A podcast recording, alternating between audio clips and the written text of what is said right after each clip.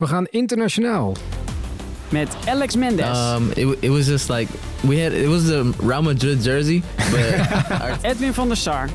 Io parlo molto bene italiano, sì, non c'è problemi. Tu? No. André Onana. I was playing like, okay, I'm going to play my three games and I would go on the bench. En Lassina Traoré. done. Oh, it's Danny.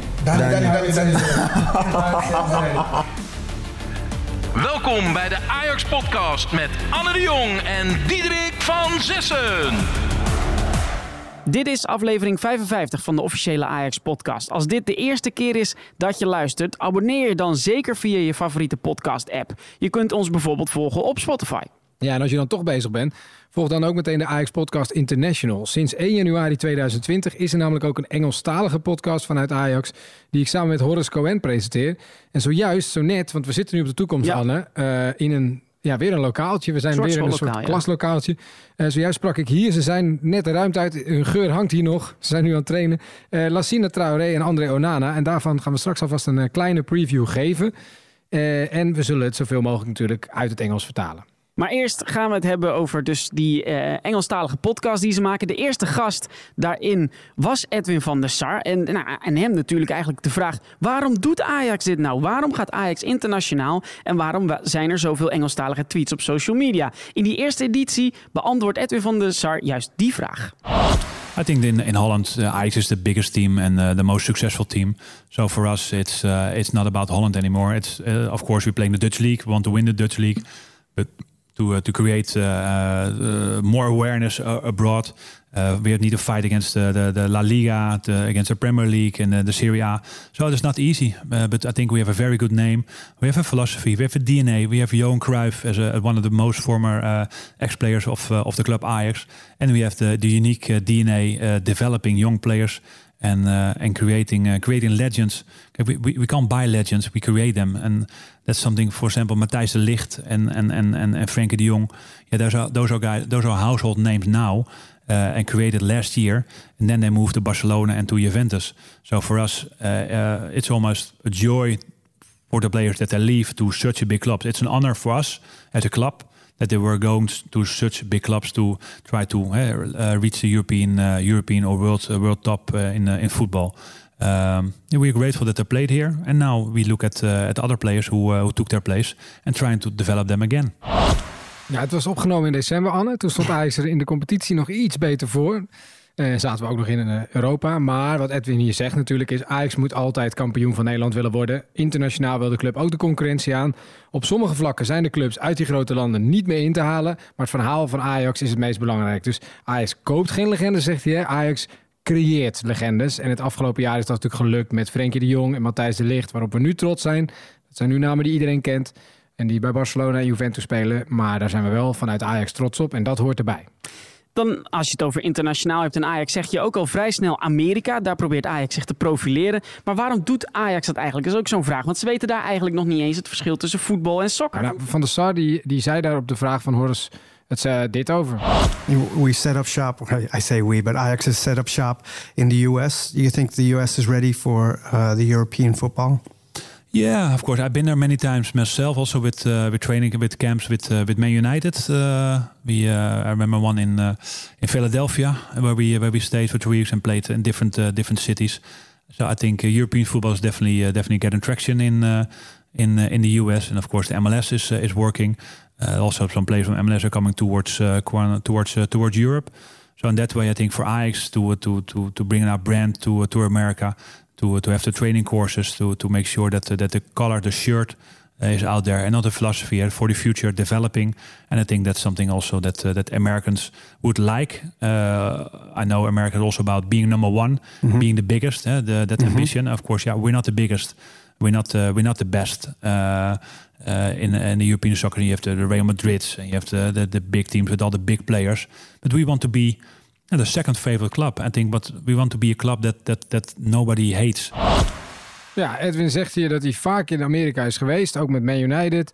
En hij ziet dat eh, voetbal daar wel groeit in de VS en dat Ajax deel uit wil maken van die groei. Dus Ajax is niet de beste, niet nummer één. Terwijl ze daar in de VS natuurlijk wel veel echt van houden. Hè. Ze willen daar al- altijd nummer één zijn. Maar Ajax moet een club zijn die niemand haat. Het gaat erom, en dat heb ik hem vaak horen zeggen, om de second favorite club te worden.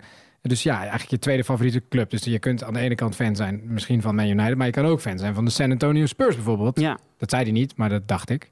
Dus je kunt van een basketbalclub fan zijn en ondertussen ook sympathie voor Ajax hebben. ja, en dan hoopt Ajax natuurlijk dat als je daar dan een beetje fan van bent... en je bent bijvoorbeeld een keer in Europa... dat je dan zo'n mooi rood-wit shirtje van ze koopt. Ja, tuurlijk. Ja, en hij spreekt goed Engels van de SAR, onze CEO natuurlijk, Ja. vind je? Ja. Eh, ja, Hij heeft natuurlijk ook tijd in Manchester gezeten. Konden we een leuk gesprek met hem voeren. Ja, maar het ging dus wel, je zegt dat nu al, want het ging wel bijna mis. Right. Do you still speak Italian, by the way? Io parlo molto bene italiano, sì, non c'è problemi. no.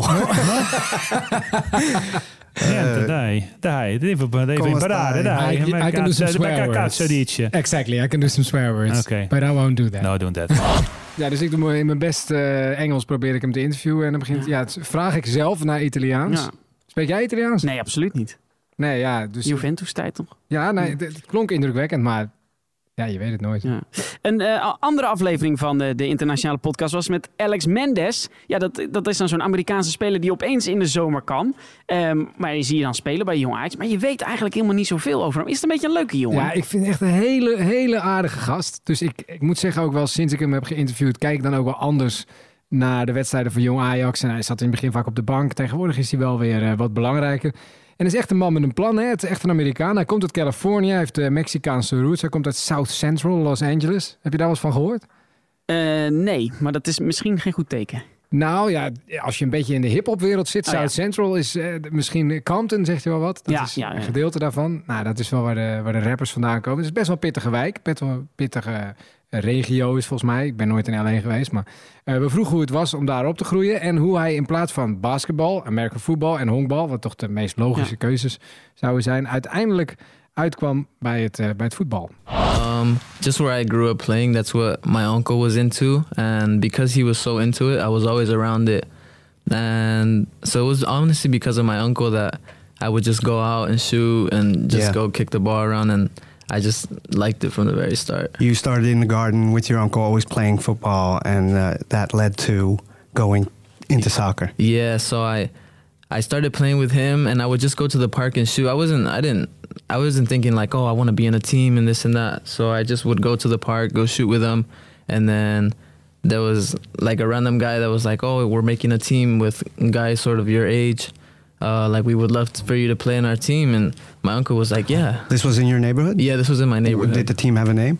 Um, it it was just like we had it was the Real Madrid jersey, but our team name was always like It was the Los Angeles Real Madrid uh, neighborhood squad. yeah. And you all had to buy had to buy these jerseys as well. Uh, no, these were like actually some of the players had to, but I was like I was new, so they were trying to like make me feel welcomed and stuff like that. So they kind of provided all of that stuff. Right, right. Did you try any of the other sports, or was it always Uh, soccer? No, it was always soccer. Unless I was at school and I would like play with like my friends and stuff. But outside of soccer, I wasn't interested in. Ja, hij vertelt hier dus dat een oom van hem hem meetrok naar het park om daar vooral een beetje tegen een bal aan te schoppen. Toen werd hij daar ontdekt door iemand die zei: Nee, mensen van jouw leeftijd, we beginnen een team. Dat bestond allemaal uit jongetjes.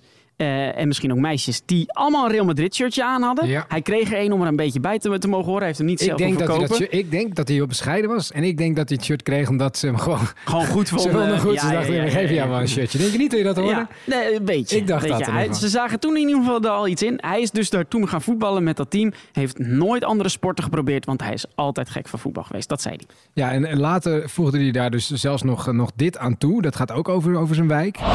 Like where I'm from, it's not the it's not the greatest neighborhood, so it just kept me out of a lot of trouble. That's. And uh, so it was. it would was you say it saved your life a little bit? Yeah, definitely, Oh, definitely. wow.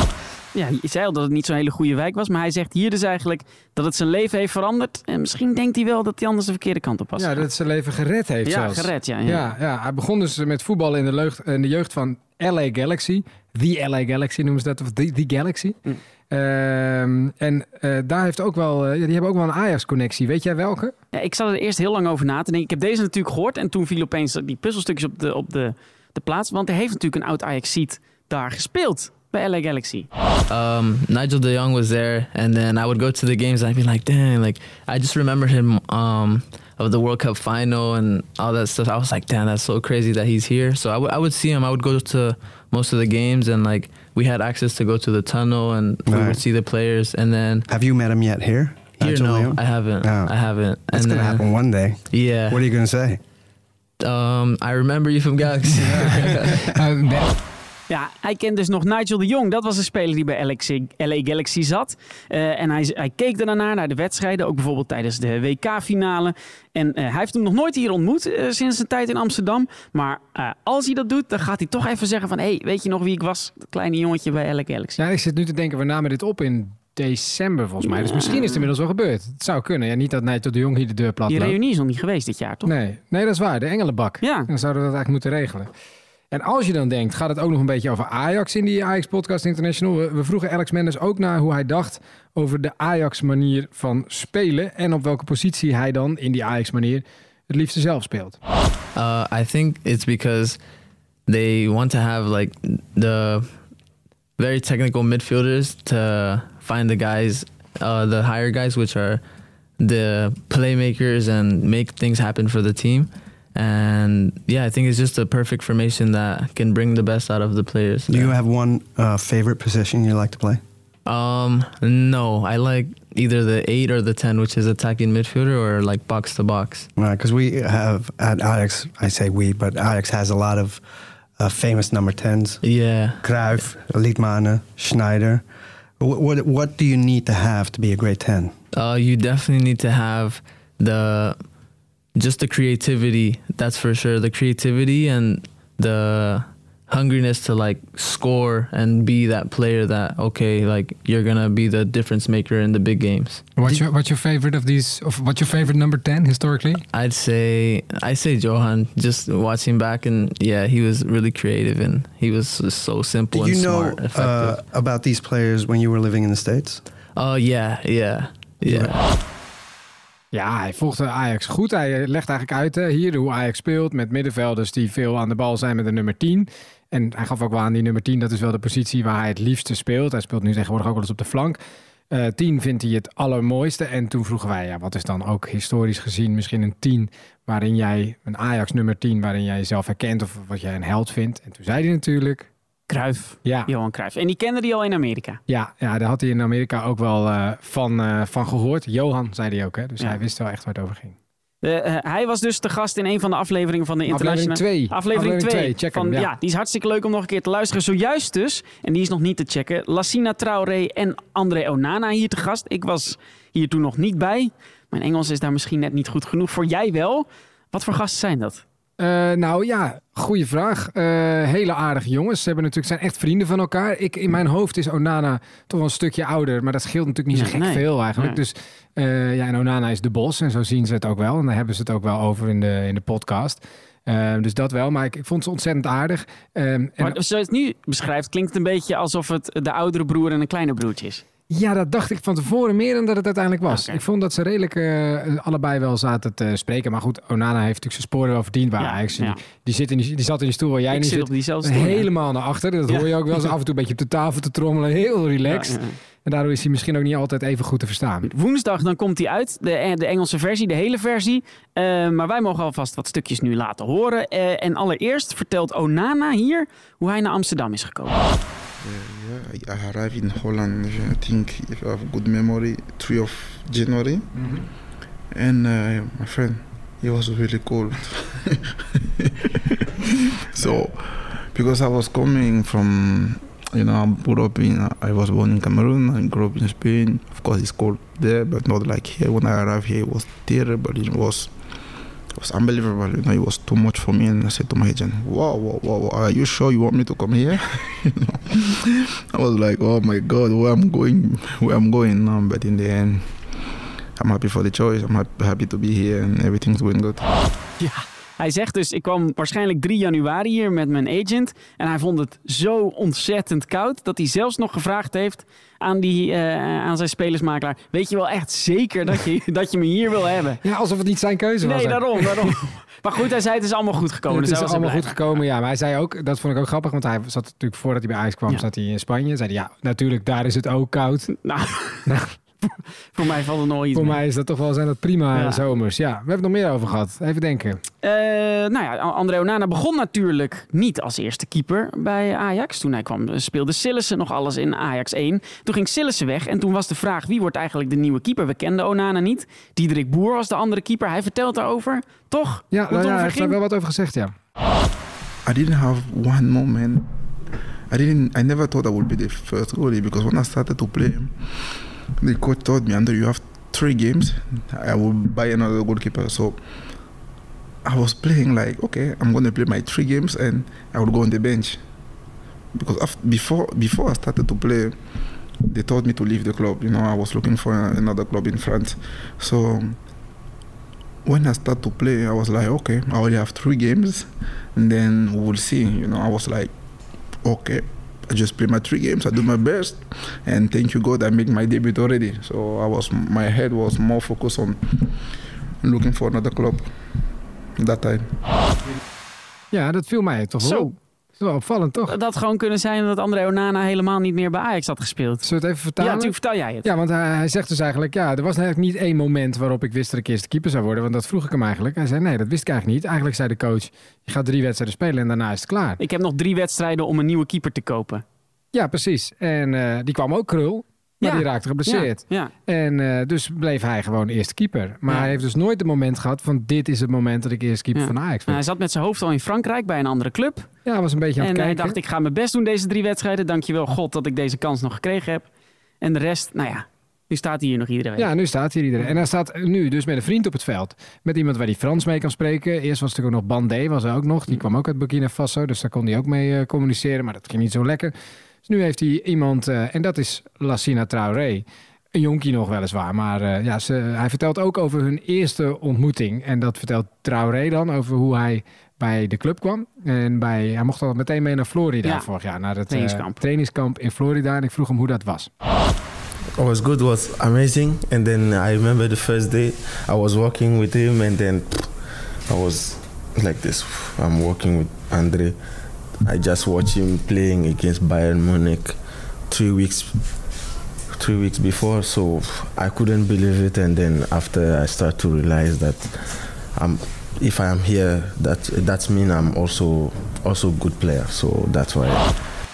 Ja, dit is toch ook prachtig verhaal. Hij, hij liep dus met André Onana naar het trainingsveld en dacht toen... ik loop hier naast André Onana. En toen besefte hij... wacht, als ik hier naast André Onana loop... dan ben ik waarschijnlijk ook een hele goede speler. Als ik naast zo'n grote speler, zo'n grote Afrikaanse speler... mag trainen, dan, dan moet ik blijkbaar ook groot zijn. Een goede speler. En dat gaf hem dus blijkbaar zelfvertrouwen. Maak ik hier dan uit op. Ja, dat houdt hij dus nog steeds zo, eh, zo vol. En het leuke was ook toen hij dat zat te vertellen, zat Onana natuurlijk naast hem zo trots een beetje te Ja, ja, knikken. ja, van, ja, ja. zo is het ook. Ja. Niet bescheiden zeggen, nee, maar dat valt ook wel mee. Ik ben niet de grootste, ik ben niet zo'n grote Afrikaanse voetballer. Vond ik ook wel mooi, maar het is echt de bos. Ehm, speciaal voor jou, Anne, heb ik natuurlijk ook nog even gevraagd. Dat het gaat niet in de podcast, in de international podcast komen. Oké. Want wij hebben die Ajax-podcast Spotify Vijf playlist. Wij willen altijd ja. weten wat de muzieksmaak is van Ajax. Dus dat heb ik ook aan hen gevraagd. Ik vroeg ze, Ik heb, ik heb zomaar het gevoel dat het gevarieerde lijstje nog iets gevarieerder gaat worden nu. ja, ja, ja. Ik vroeg van wat is nou, eh, wie heeft de beste muzieksmaak? Ja. En nou, toen kwam ook alweer een beetje de senioriteit van André Onana naar, naar voren. Do you listen to music? Yeah. Yes.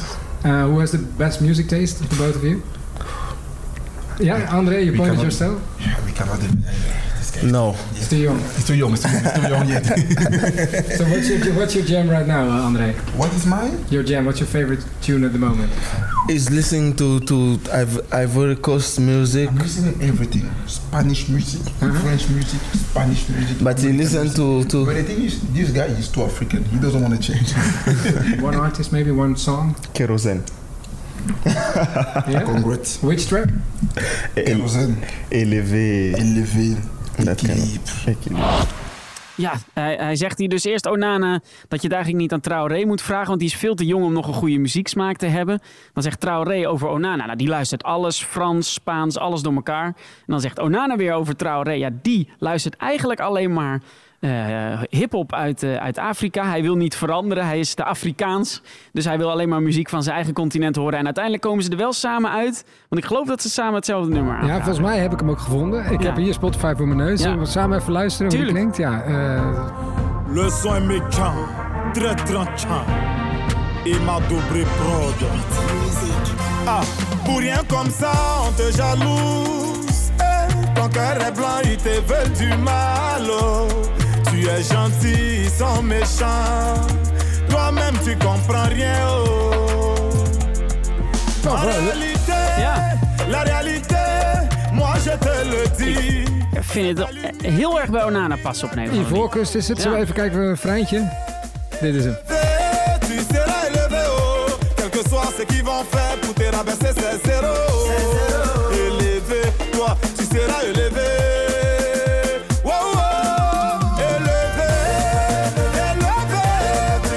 Word er wel vrolijk Ja, van. Het is dus DJ Kerosin. Ja, we zetten hem natuurlijk ook Ja. wel in, in de playlist. Maar DJ Kerosin met Tu Sera Elevé. En zijn nummer van vorig jaar. En hij komt uit, eh uit die voorkust. Oh. Zojuist uitgevonden. Eh, dan heb je geloof ik ook nog een quizje met ze gespeeld. Ja, dat was ook lachen. Je hebt die toeter hier voor je neus liggen.